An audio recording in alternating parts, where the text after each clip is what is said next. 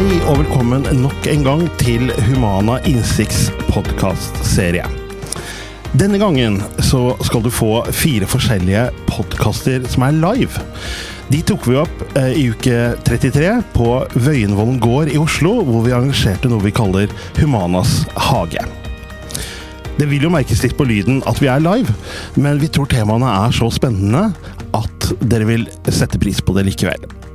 I den første podkasten skal vi snakke om BPA. Vi spør oss fungerer BPA etter hensikten. Vi har med oss Marianne Skattum, som leder et regjeringsoppnevnt utvalg som ser på dette. Vi møter eh, Jon Torp, som er direktør for BPA i Human Omsorg og assistanse. Vi møter eh, Ingebjørg Vogt, som faktisk er BPA-bruker. Og vi har med oss leder av helse- og omsorgskomiteen på Stortinget, Geir Jørgen Bekkevold. Vil du høre flere podkaster fra oss, så går du inn på humananorge.no. Og ellers, ha god fornøyelse.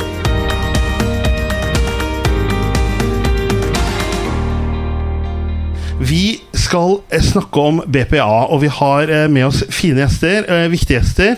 Og vi spør fungerer BPA etter hensikten. Vi har kalt det faktisk et toppmøte om BPAs framtid, ikke mindre. Og Ingebjørg, Vogt, du er jo BPA-arbeidsleder. Eh, hvorfor er BPA viktig for deg? Um, BPA er viktig for meg fordi jeg får mulighet til å leve det livet jeg ønsker å leve. Uh, jeg får muligheten til å avlaste meg selv, slik at jeg har energi til å være til stede for de nære rundt meg. Eh, slik at jeg har muligheten til å jobbe. Eh, slik at jeg har muligheten til å trene og holde meg frisk. Eh, og slik at jeg kan gjøre akkurat hva jeg har lyst til, når jeg har lyst til det. og ingen skal hindre meg. Hvor lenge har du hatt brukt BPA? Um, jeg har hatt BPA siden 2013. Um, hvor jeg da flyttet for meg selv og uh, etter at jeg var ferdig med å studere og skjønte at uh, jeg Eller innså at jeg hadde behov for å Skulle jeg klare å leve det livet jeg levde med de tingene jeg gjorde, og den timeplanen jeg hadde da, så måtte jeg ha hjelp til å kunne være, eller ha, finne personer som, er, som jeg er kompatibel med, som kan være mine ekstra armer og bein, sånn at jeg kan fortsette å være like aktiv som det er i dag. Det er jo, det er jo en del som eh, kunne hatt krav på BPA, men som velger ikke å ha det fordi at eh, Ja, det kan sikkert være mange grunner. Eh, hva tenker du om det? Hva, hva, hva, er det du ikke kunne gjort, føler du, hvis du ikke hadde hatt det? Eh, jeg kunne egentlig sånn for å ha et Jeg kunne ha gjort de tingene jeg gjør i dag.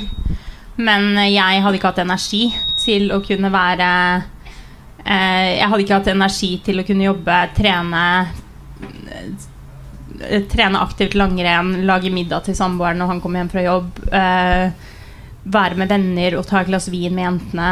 Eh, mm. Og fordi det hadde, det hadde blitt å prioritere. Mm. Altså, enten så måtte jeg prioritert jobb, men da hadde jeg ikke hatt noe sosialliv. Eller så måtte jeg hatt et sosialliv, men da hadde jeg ikke hatt noe arbeidsliv.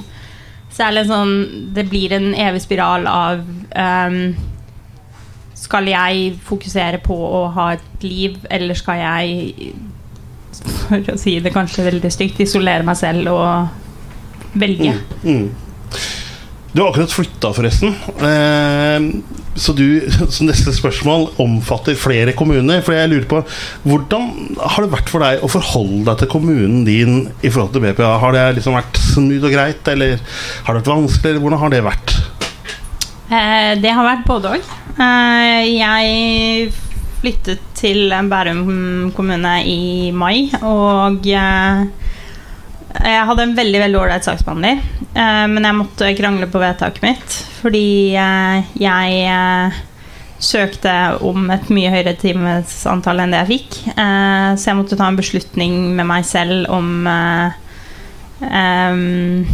jeg skulle gå for lavere timer og ikke ha praktisk bistand, eh, eller om jeg skulle ha, beholde praktisk bistand, men ruinere meg økonomisk. Mm. Fordi Em, når man flytter sammen og går fra å ha én inntekt til to inntekter, så går det på felles inntekt. Uh, og da Hvis den ene er sterkere økonomisk, så får man en relativt mye høyere egenandel. Uh, og det har ikke vi råd til, så vi sa fra oss praktisk bistand. Uh, noe som gjør at jeg har et lavere timeantall enn hva jeg har behov for.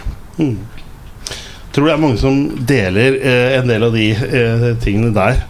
Um, takk eh, foreløpig. Um, regjeringen de vil jo styrke denne ordningene, eh, og annet for å gjøre noe med med utfordringer som du og andre arbeidsledere har i hverdagen deres. Og For det så har man satt ned et offentlig utvalg, og det, er leder du, Marianne Skattheim.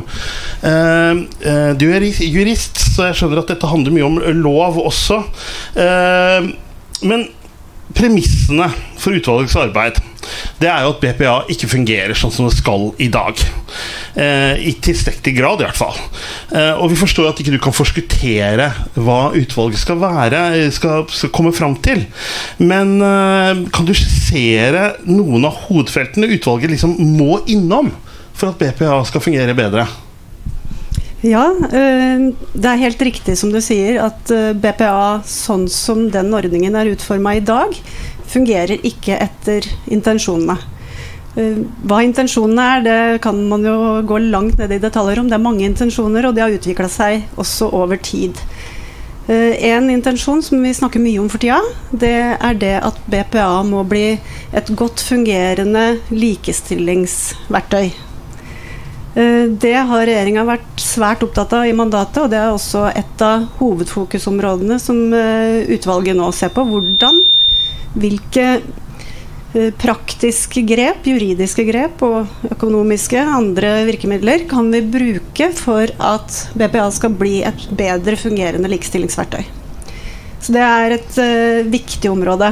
Mm. Uh, det er flere viktige områder. Det handler uh, mye om personkrets, som uh, regjeringa også skriver i mandatet. Hvem skal omfattes? I dag har vi jo to regelsett. Et som er det vi snakker mye om, rettighetsbestemmelsen som kom i 2015. Men vi har også det alminnelige skjønnsmessige regelsettet. Uh, som gjør at mange kan få BPA, selv om de ikke har krav på BPA etter rettighetsbestemmelsen. Vi har ikke nøyaktig tallene i huet, men ca. halvparten av de som har BPA, har det etter den skjønnsmessige bestemmelsen. Så det er jo et spørsmål. Skal man ha ett regelsett, to regelsett? Eller skal man gjøre sånn som i dag? Man har også noen regler som ikke står i lov. Uh, Bl.a. det som kom i et rundskriv i 2005 om utvida målgruppe. Så det med personkretsspørsmål, hvem skal omfattes, hvem skal få rett til og mulighet til BPA? Det er et viktig spørsmål. Uh, kan ta et til, jeg. Ja, gjerne. jeg har mange, men jeg kan ta tre, de tre viktigste, ja. tror jeg. Det handler om det som du også var inne på. Eh, flytting, forskjeller mellom kommuner. Eh, I dag er det jo kommunalt sjølstyre. Det kommer til å bestå også etter at BPVA-utvalget har levert sin NOU. Men eh, spørsmålet er jo om vi skal foreslå noen grep for å redusere det kommunale sjølstyret lite grann. Eh, sånn at det blir mer likeverdig behandling av folk, uavhengig av hvilken kommune de bor i, eller eventuelt flytter til, eller pendler mellom hvis man jobber i en annen kommune, eller om man er student. Mm. Mm. Viktige ting. Ja. Eh, vi har med oss deg også, Geir Jørgen Bekkevold. Du er leder av helse- og omsorgskomiteen på Stortinget fra KrF dere har jo vært en pådriver for eh, BPA i KrF. Eh, blant flere partier, selvfølgelig, men dere har hatt dette som en viktig sak. Men du er vel for å løfte dette ut av din komité, du da, egentlig? Kjenner jeg skjønner jeg riktig? Uh, ja, ja. Uh, på mange måter. Fordi at uh, Altså, Stortinget gjorde noe bra i 2015 via å rettighetsfeste BPA-ordningen. men vi ser jo at så lenge det på en måte ligger innafor helse, så opplever man at tilbudet blir veldig forskjellig fra kommune til kommune. Og Derfor så, med bl.a. gode innspill fra brukerorganisasjonene, eh, så ser vi nå at eh, Det vil kanskje være mye bedre å gjøre dette til et likestillingsverktøy og forankre det der. Eh, jeg syns at de temaene som Skattum peker på her, er veldig bra.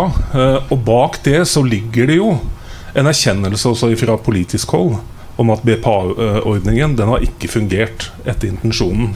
Og dette utvalget er jo satt ned med et veldig sånn tydelig mandat om å komme med forslag, komme med eh, tiltak som vil gjøre denne ordningen bedre enn det den er i dag. Bedre tilrettelagt. For vi har eksempler eh, på unge mennesker som eh, står i startgruppa til å skulle begynne å studere, som har kanskje en god BPA-ordning i den kommunen de bor, men skal da flytte til en studentby hvor tilbudet er helt annerledes. Og hvor man da står og lurer på tør jeg å flytte til den byen og studere der. Eh, det er jo det jeg ønsker, men tør jeg det? Og dette er jo en av de tingene som jeg håper at utvalget vil komme løsninger på, som gjør at dette blir mye bedre. Mens jeg står her, så oppdager jeg at jeg har glemt å skifte briller, så jeg står vel egentlig med solbriller nå, ikke det? ja, det gjør det. er ikke veldig pent. Men uh, mens du skifter til sol, solbriller, da, Bekkevold, så, så kan vi høre med deg, da, uh, Jon Tarp. Uh, vi går tilbake til alle her. for det, det det har jo ikke fungert sånn som man ville etter rettighetsfestingen. Det, det er jo 14 000-15 000 funksjonshemmede som over natten fikk rett på dette her. Men det er ikke så mange som har det, akkurat. Nei, det er, det er helt riktig uh, at uh, regjeringen den gangen, i 2014-2015, anslo vel at det var, ville være mellom 14 og 15 000 som ville omfattes av, av rettigheten. Og på det tidspunktet så mener jeg det var ganske nøyaktig 3000 personer i Norge som hadde BPA. Og så kommer rettighetsfestingen, og man forventet seg jo da kanskje en slags ketsjup-effekt, hvor alt sammen kommer på, på en gang. Eh, og så ser vi da at vekstkurven, den knekker altså ikke.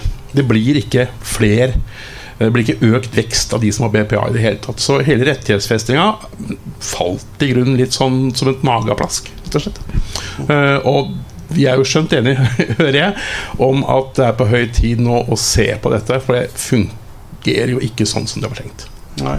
Men eh, Bekkevold, er du, er du skuffa over at ikke dette har blitt som du har tenkt? Altså, eller gjorde dere en dårlig jobb på forhånd, dere som fikk dette til? Hva, hva, er dette for Altså Det som jeg er skuffet over, det er at det er så store forskjeller fra kommune til kommune. Eh, og at tilbudet blir veldig sånn uh, ulikt. Uh, fordi hele intensjonen bak BPA-ordningen er jo at man skal i stor grad kunne få lov til å være sjef i eget liv. Mm. Uh, og så er det så forskjellige opplevelser der ute. Så det er klart det er mye skuffelse i det. Uh, men vi ser jo at uh, vi kunne forankret dette annerledes enn det vi gjorde i 2015. vi kunne allerede da ha tenkt bør dette være et likestillingsverktøy? Bør det forankres i et annet lovverk som gjør det mye sterkere? Um, og det er jo av de tingene som, som utvalget skal se på og komme med forslag om. Uh, og det ser jeg veldig fram til. Uh, ikke bare jeg, uh, men selvfølgelig alle de som er avhengig av dette hver dag. Men jeg må innrømme at altså, vi, vi syns vi gjorde en god ting da vi rettighetsfestet i 2015. Men kanskje burde det ha vært forankret i en annen lovhjemmel enn det den ble i 2015. Men er det politisk vilje til å endre dette? For det, det var jo politisk debatt om det. Vi er jo så veldig enige her som står jo, her nå, men, men, men tror, det er jo ikke bare sånn. Jeg tror ikke man skal være redd for at ikke politikerne vil det. Jeg tror ikke vi ville satt ned dette utvalget og med den klare mandatet om å komme med forslag til å forbedre ordningen, hvis ikke det var politisk vilje til det. Og Jeg ser også at eh, deler av opposisjonen på Stortinget er jo utålmodige, de også. Og vil det samme som det regjeringen vil. Så jeg har et veldig stort håp om at vi skal komme fram til noe når utvalget da eh, leverer sitt eh, arbeid, som vil være med å utgjøre en stor forskjell. Mm. Du, eh, Skattum, det, det, står jo i mandatet for utvalget at, det, at, at BPA skal defineres som et likestillingsverktøy, og ikke bare et helsetilbud. Eh, men Kan du si noen ting om hvilke hovedutfordringer, eventuelt interessemotsetninger, man i utvalget står overfor når man skal ta hensyn til det her? Uh, ja, det er jo ikke Det med interessemotsetninger Det er jo et bredt sammensatt utvalg. Og det er jo åpenbart at det er ulike interesser her. Mm. det står jo også i mandatet at man skal gjøre BPA til et bedre fungerende verktøy for likeverd, likestilling. Eh, samtidig som man skal ta hensyn til bærekraft, f.eks. Og kommunalt sjølstyre. Og arbeidstakernes rettigheter. Så vi må komme med et eh, balansert eh, forslag som ivaretar alle de hensynene. Eh, når det gjelder likestillingsverktøy og det som dere har vært inne på eh, det her med lovforankring Jeg vil vel si at noe av det som gjør dette her så vanskelig, er, som mange har vært inne på i debatten i flere år, hvor regelverket er plassert i dag. Det er plassert i en sektor. Den kommunale helse- og omsorgstjenesten kaller man det. Men det er ikke en helsetjeneste, det er en omsorgstjeneste. Det har aldri vært en helsetjeneste.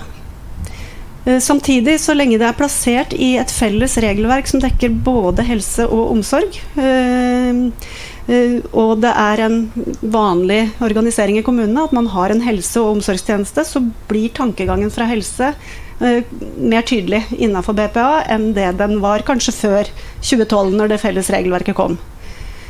Så jeg tenker vel det at vi må gjøre noe med eh, lovforankringa. Vi må iallfall se om det er mulig å gjøre noe med det. Og så må vi samtidig sørge for at vi ikke skaper nye skillelinjer der de som bare får det jeg kaller KPA, altså kommunalt ledet personlig assistanse, der de ikke faller utafor. For det er en veldig stor gruppe. Det er vanskelig å finne statistikk, men uh, anslagsvis ut ifra SSB 300 000 til 400 000 mennesker. Inkluderer også hele eldreomsorgen.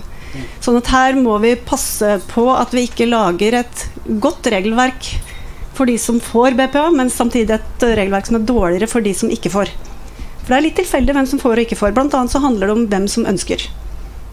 Og blant de 14.005, da, hvis det er et riktig tall, så er det antageligvis noen som ikke ønsker BPA, som er fornøyd med en tradisjonell organisering, eller de har fått en individuell organisering som er veldig god og passer akkurat for den personen eller den familien. Så det er både hensynet til de som har BPA, og de mange som vi håper skal få det i framtida, men også de som velger noe annet, da. Så det er vanskelig. Ja, men Det høres så fornuftig ut. Men eh, Jon, eh, var dette her eh, Dette er jo kanskje tanker som man tenkte før rettighetsfestinga i 2015 nå, eller er det nye tanker?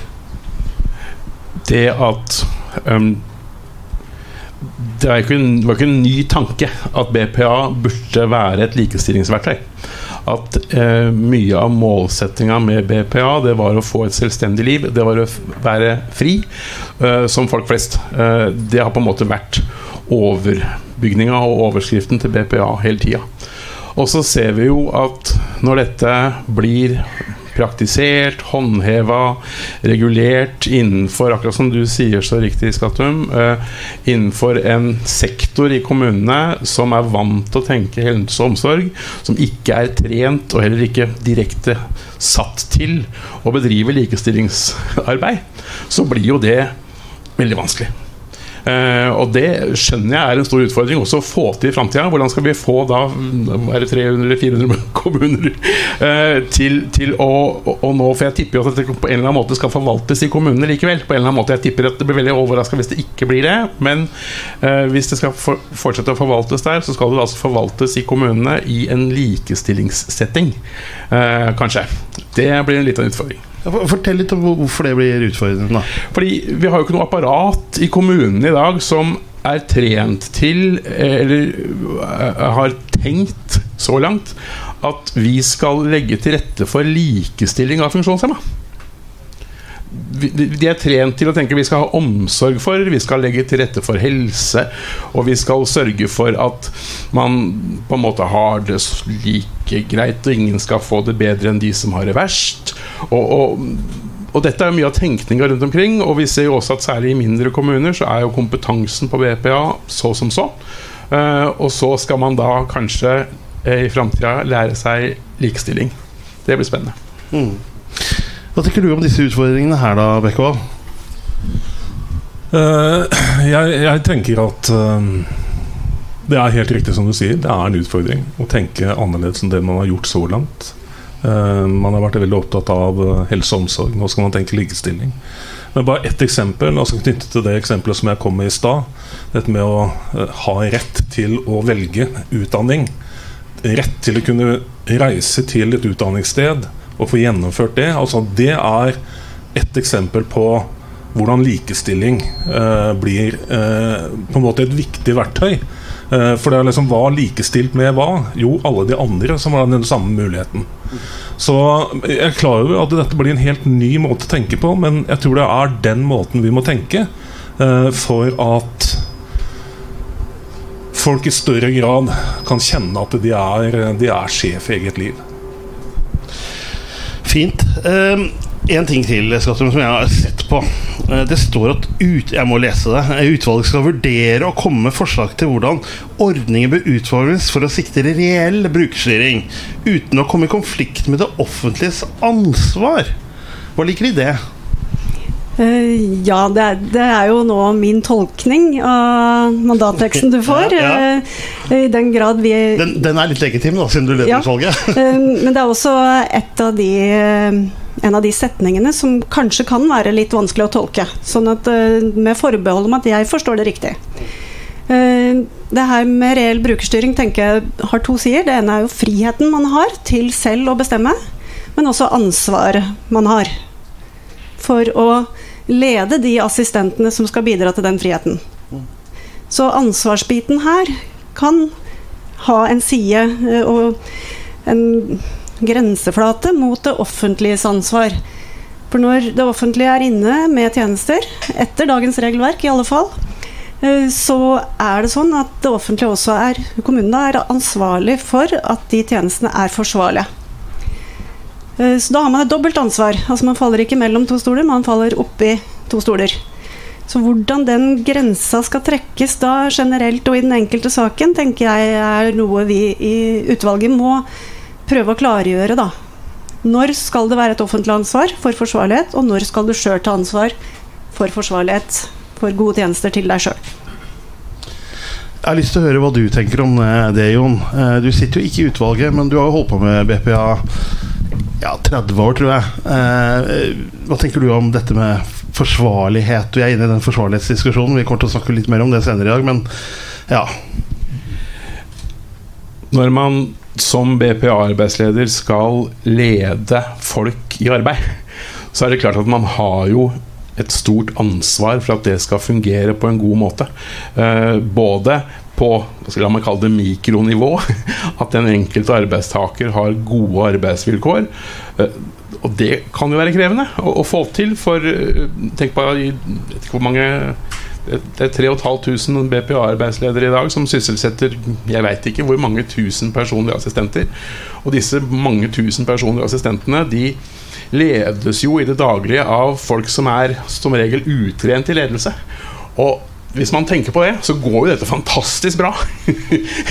det er nærmere ikke mange forsider eh, på avisene vi har sett med skandaler rundt dette. Dette går stort sett veldig veldig bra. Men tilbake til dette det å sørge for at man da får god trening, god opplæring i det å være en god arbeidsleder, skape gode arbeidsplasser, for gjennom det å skape seg selv et godt liv. Det er på mikronivå. Og så har vi på makronivå det å, å sørge for at personlig assistentyrke Eh, ikke bringes i vanry. At det, at det holdes høyt, og at det blir sett på som et attraktivt yrke, det er jo både den enkelte og samfunnet som helhet veldig tjent med. Når vi får dette utvalget på plass, da, Bekkevold, innstilling til utvalget Vi vet ikke helt når det, det har blitt utsatt litt, jeg kan snakke litt om det etterpå. Men, men, eh, hva tenker du at vi skal forvente Hvordan tenker du at vi skal forvente at politikerne tar tak i dette, slik at det ikke bare blir nok et utvalgsarbeid som det ikke blir noe ut av? Nei, eh, Dere skal kunne ha forventninger til at uh, politikeren mente alvor når vi satte ned dette utvalget. Uh, dette er også omtalt i regjeringsplattformen. Uh, og det er ingen grunn til å tvile på at ikke politikeren vil følge det opp når utvalget kommer med sin innstilling. jeg nevnte at også opposisjonen på Stortinget er utålmodige og ønsker en forbedret ordning. Så Um, jeg tenker at her har man all grunn til å være optimist. Uh, og som sagt så er jo også intensjonen bak hele dette arbeidet å gjøre denne ordningen bedre enn det den er i dag. Så um, politikerne kommer til å ta tak i det. Uh, jeg hadde jo håpet at jeg skulle få mulighet til å jobbe litt med den innstillingen den kommer. Eh, men nå kommer vel den da i juni, forhåpentligvis. 2021. Slik at det får være eh, politikere som eh, skal gjenvelges, som må ta tak i det. Men, eh, men eh, både i forhold til det som Skattum har sagt, med de mandatene som de jobber med, og med den politiske viljen som ligger i bånn av dette, så mener jeg at det er grunn til å være optimist. Ja. Mm. Er det vanskelig dette, Det er jo ganske eh, en komplisert materie for utenfra. Dette er det skjønner jeg. Er det som helsepolitiker som du er, da, er det vanskelig å komme inn i dybden på disse problemstillingene? Kan det være en av utfordringene ved å få til ordninger som fungerer godt?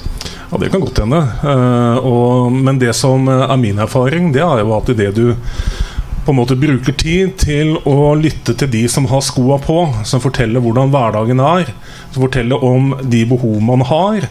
Uh, og, og så, så, lærer politikere også denne måte, verden å kjenne. Mm. Uh, og, og, det er jo gjennom det at jeg også har mitt engasjement. Ikke sant? Ved at jeg har møtt mange mennesker som har hatt dette behovet, som har møtt det offentlige på ulike måter, som forteller om ulike ordninger fra kommune til kommune som har gjort at jeg har engasjert meg. så selvfølgelig så, så Eh, er det ikke vi som har skoa på, men vi skylder som politikere å lytte til eh, de som har behov for dette. Mm. Eh, og jeg opplever jo at det er det politikerne har gjort, i og med at vi nå har satt i gang dette arbeidet. Mm. Eh, men Skattum, det er en ting jeg lurer på til. At eh, disse, Dersom BPA skal flyttes ut av helselovgivningen uh, og skal bli mer likestillingsverktøy, hvilket lovgivning skal man Hvilke juridiske rammeverk er det man, som er tenkbart rundt dette her da? Eh, jeg skal svare på det om litt, men jeg har lyst til å bare legge til det her med viktig å lytte. Eh, eh, fordi som utvalg så er vi nå ca. halvveis i den prosessen vi står i. Vi skal levere innen 1.6 en NOU. Og vi har en egen nettside som vi tror ikke er godt nok kjent. Eh, så man kan google BPA-utvalget, og så kommer man inn på den nettsida. Det er kanskje mulig å få lagt inn en lenke i det, det dere legger ut. Det gjør vi. Eh, og Der er det også mulig å komme med innspill til oss. så Det er et veldig godt tidspunkt nå å komme med innspill, for nå har vi uh, komme djupt nok inn i det jeg mener er veldig vanskelig. Både juridisk og uh, organisatorisk, og den store friheten det er til å lage ulike løsninger for ulike personer. Som vi trenger, men det gjør det vanskelig. Så hvis uh, de som har gode innspill til oss, hvordan kan vi Hva skal til for at BPA kan bli et bedre likestillingsverktøy? F.eks. Fokusere på barn og ungdom, som regjeringa har bedt oss uttrykkelig om og har spe spesielt fokus på. I forbindelse med skolestudier, disse andre sektorene som barn og ungdom er på. Alle er på, men barn og ungdom er på skolestudier, og så er det voksne som også skal i arbeidslivet. Så får vi gode innspill til hva skal til for at det fungerer bedre, så blir vi veldig fornøyd, og vi vil gjerne ha det nå. En veldig viktig oppfordring. Og det kan jeg også si til eh, dere som ser på stream og sånn, dere som ser oss direkte, dere har muligheten til å stille spørsmål i eh, streamen. Det skulle jeg sagt tidligere. Men, og der er Karianne med noen spørsmål. Kom bare og still spørsmål, Karianne. Ja, skal jeg svare på det du spurte om først? Nei, vet du, jeg, vi, vi, vi, hold tanken. Skal vi ta disse spørsmålene? Jeg har fått et langt og godt spørsmål fra Vibeke. Um, hun sier at én ting er å få BPA, en annen ting er å få det til å fungere.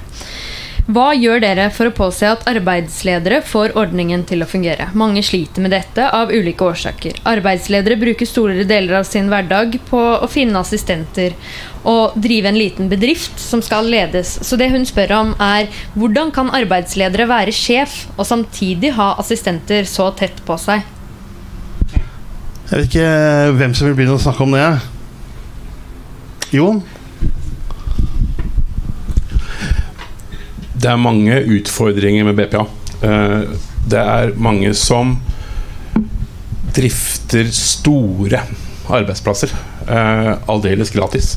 Eh, og her peker jo Vibeke på en av de store utfordringene. Altså hvordan skal jeg kunne leve et fritt og godt liv og samtidig skulle være nødt til å håndtere hele den store arbeidsplassen. Det blir jo ikke plass til det i livet mitt. Altså, det, det livet som jeg egentlig skulle leve, det går med til å drifte BPA-ordninga.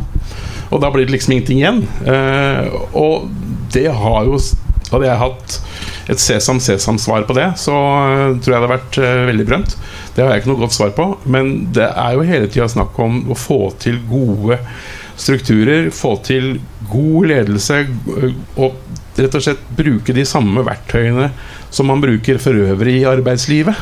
At den BPA-ordningen som sådan skiller seg jo ikke som sådan fra andre arbeidsplasser. Det er de samme spilleregler der. Um, men at det er vanskelig og at det er et problem, ja. Hva tenker du om det, Ingebjørg? Hvordan uh, syns du det er å gjøre det? Eh, det er jo Det er jo utfordrende til tider. Eh, nå har jo jeg en relativt liten ordning, men eh, jeg har tre ansatte. Um, men jeg ser Her ser jeg viktigheten av um, det å ha leverandører, gode leverandører, sånn som Humana, som gir deg opplæring og gir deg støtte. Mm. Um, og jeg, altså, som arbeidsleder så vil jeg anbefale uh, å ha i begynnelsen av fra du får et vedtak til du skal starte å drifte din egen ordning, ha et sett ha et tett samarbeid med leverandøren din, gå på kurs, spør, uh, få spørsmål. Altså, jeg måtte gjennom et obligatorisk arbeidslederkurs, uh, i, i, tillegg til at mine assistenter må på assistansekurs.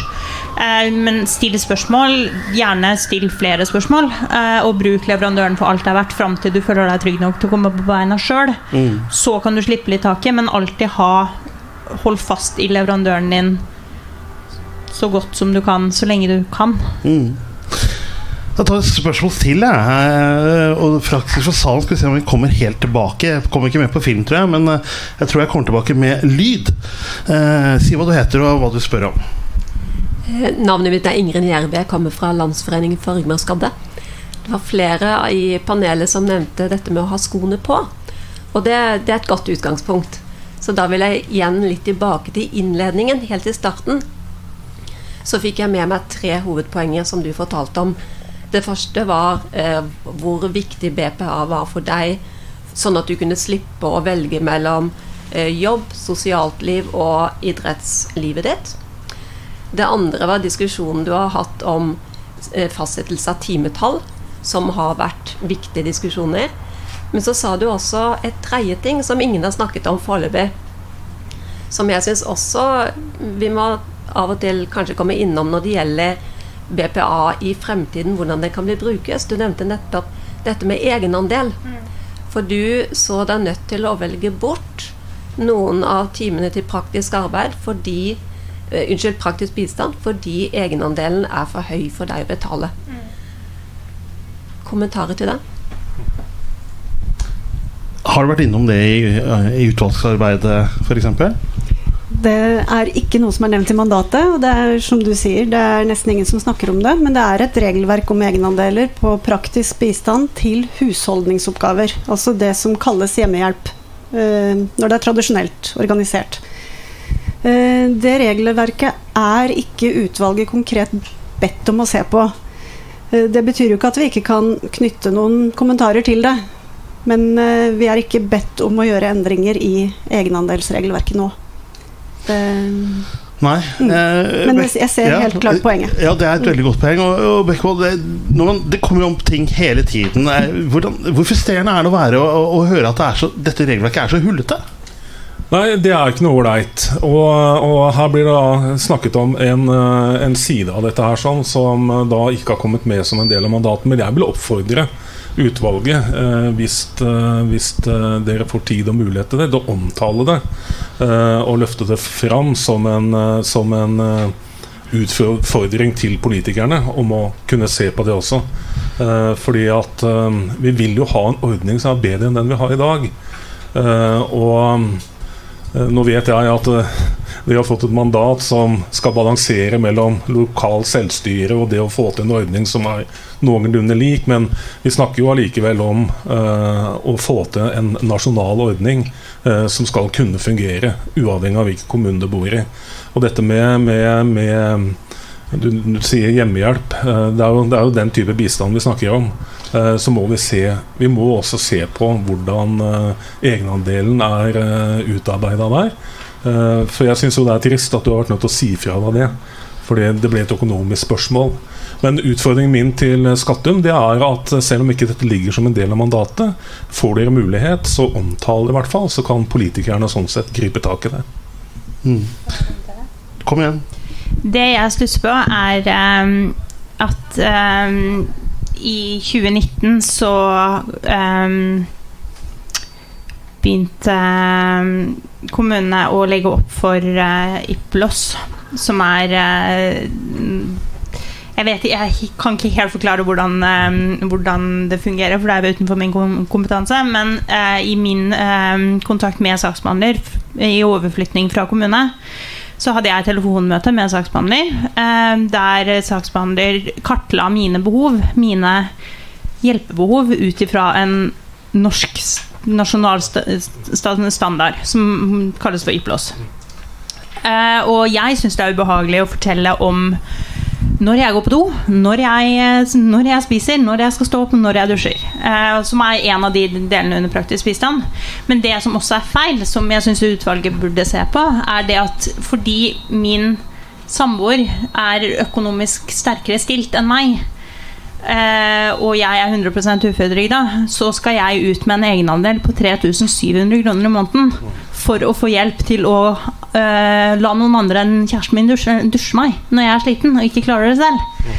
Det syns jeg er feil, og det er ubehagelig. Og derfor Vi gikk med tungt hjerte og sa bort den praktiske bistanden, men jeg tror det også er vel, eh, at veldig mange kvier seg til å få assistent fordi de vet at de kommer til å slite økonomisk på bakgrunn av det.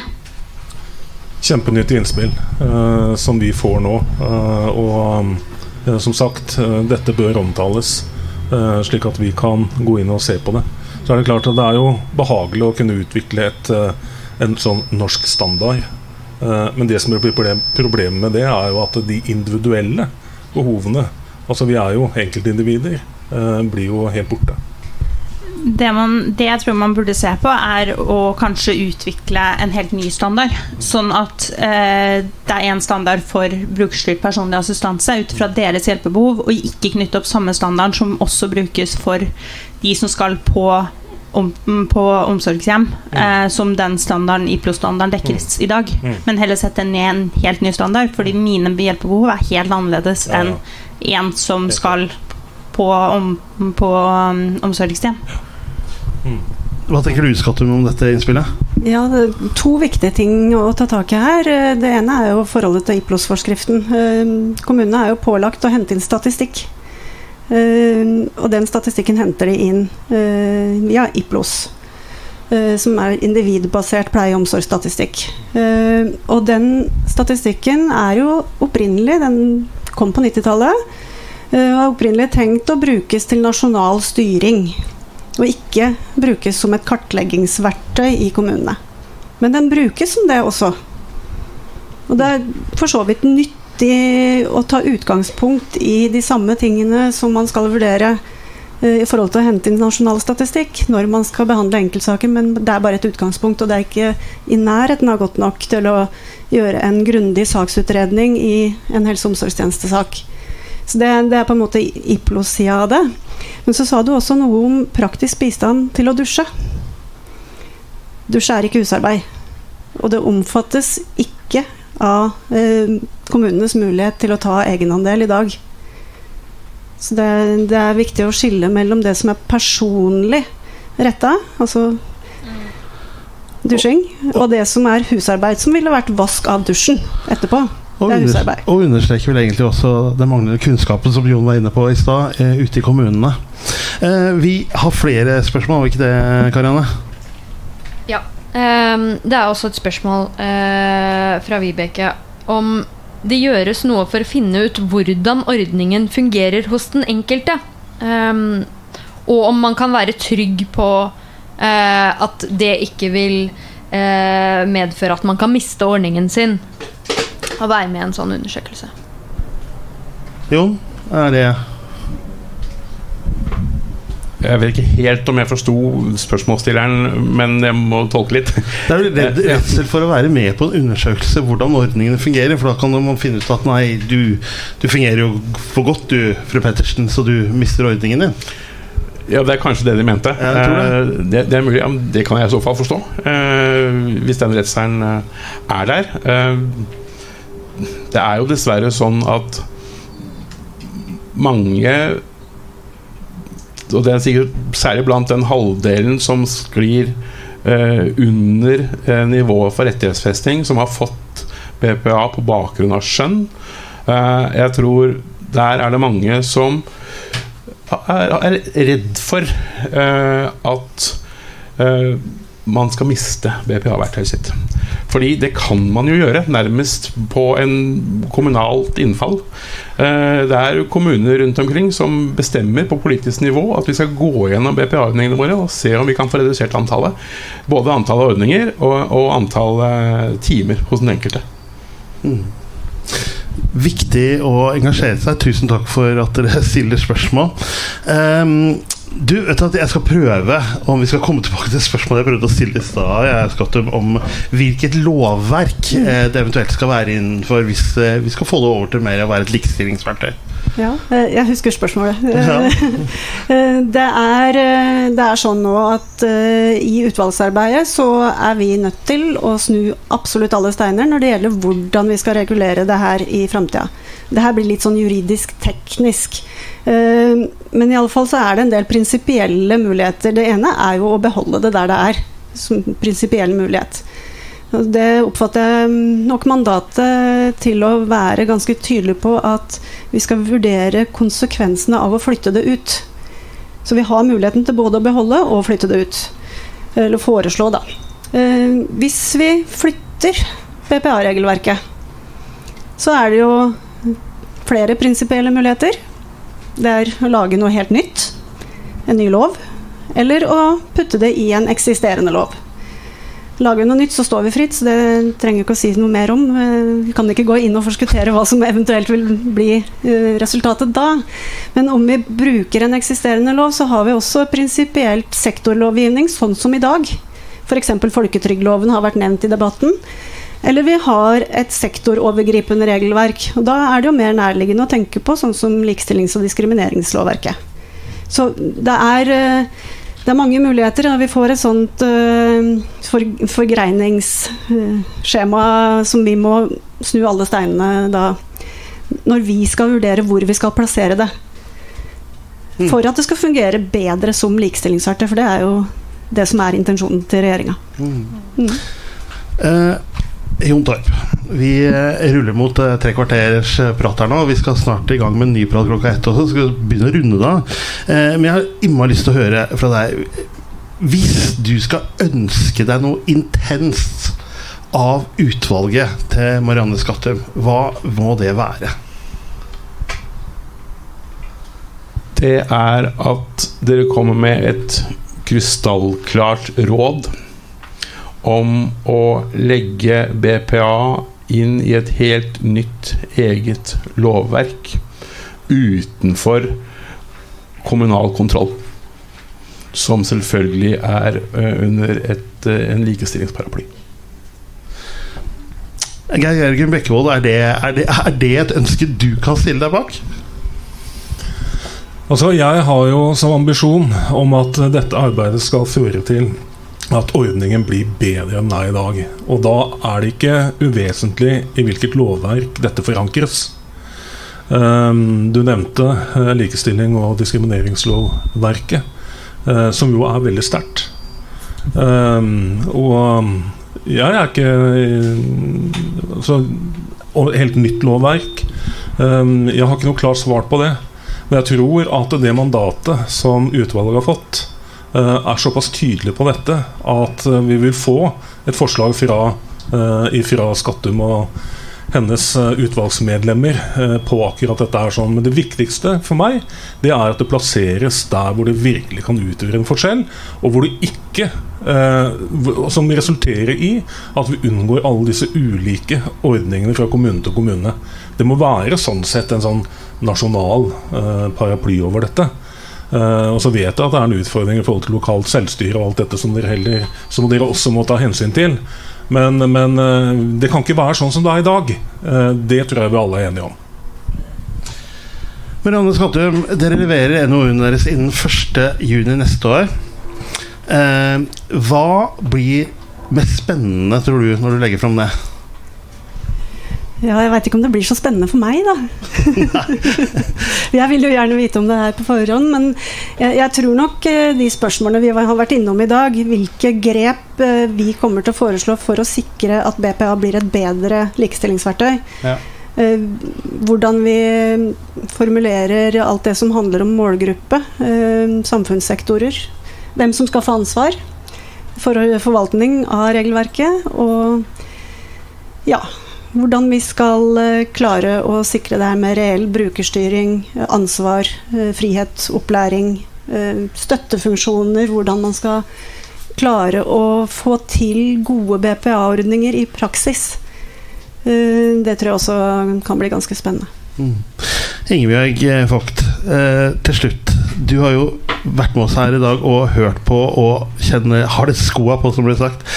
Eh, hva tenker du etter det du har hørt i dag? Hvilke forventninger har du? Um, jeg kjenner jeg er veldig, veldig glad for at um, det er et utvalg som skal snu hver stein og granske det her ganske greit. Uh, det er både jeg og min uh, organisasjon, som jeg er medlem av, veldig fornøyd med. Um, så det gleder jeg meg veldig til. Og jeg håper også at det kommer under en likestillingsparaply og ikke blir liggende under helse- og omsorgsloven. For den er det, det, må en forbedring til. Det nytter ikke å ha det sånn som vi har det i dag. Um, så kjenner jeg meg veldig trygg når jeg hører, um, hører deg si at det er takket være oss som har skoa på, at dere lytter. Um, og jeg skulle veldig gjerne ønske at det var flere som var villige til å lytte av politikere. Fordi de eneste som kan erfare hvordan det er, er oss. Og det må flere til for å lytte. Og de må svare på det vi sier, rett og slett. Kjempefint. Tusen takk for at dere kom.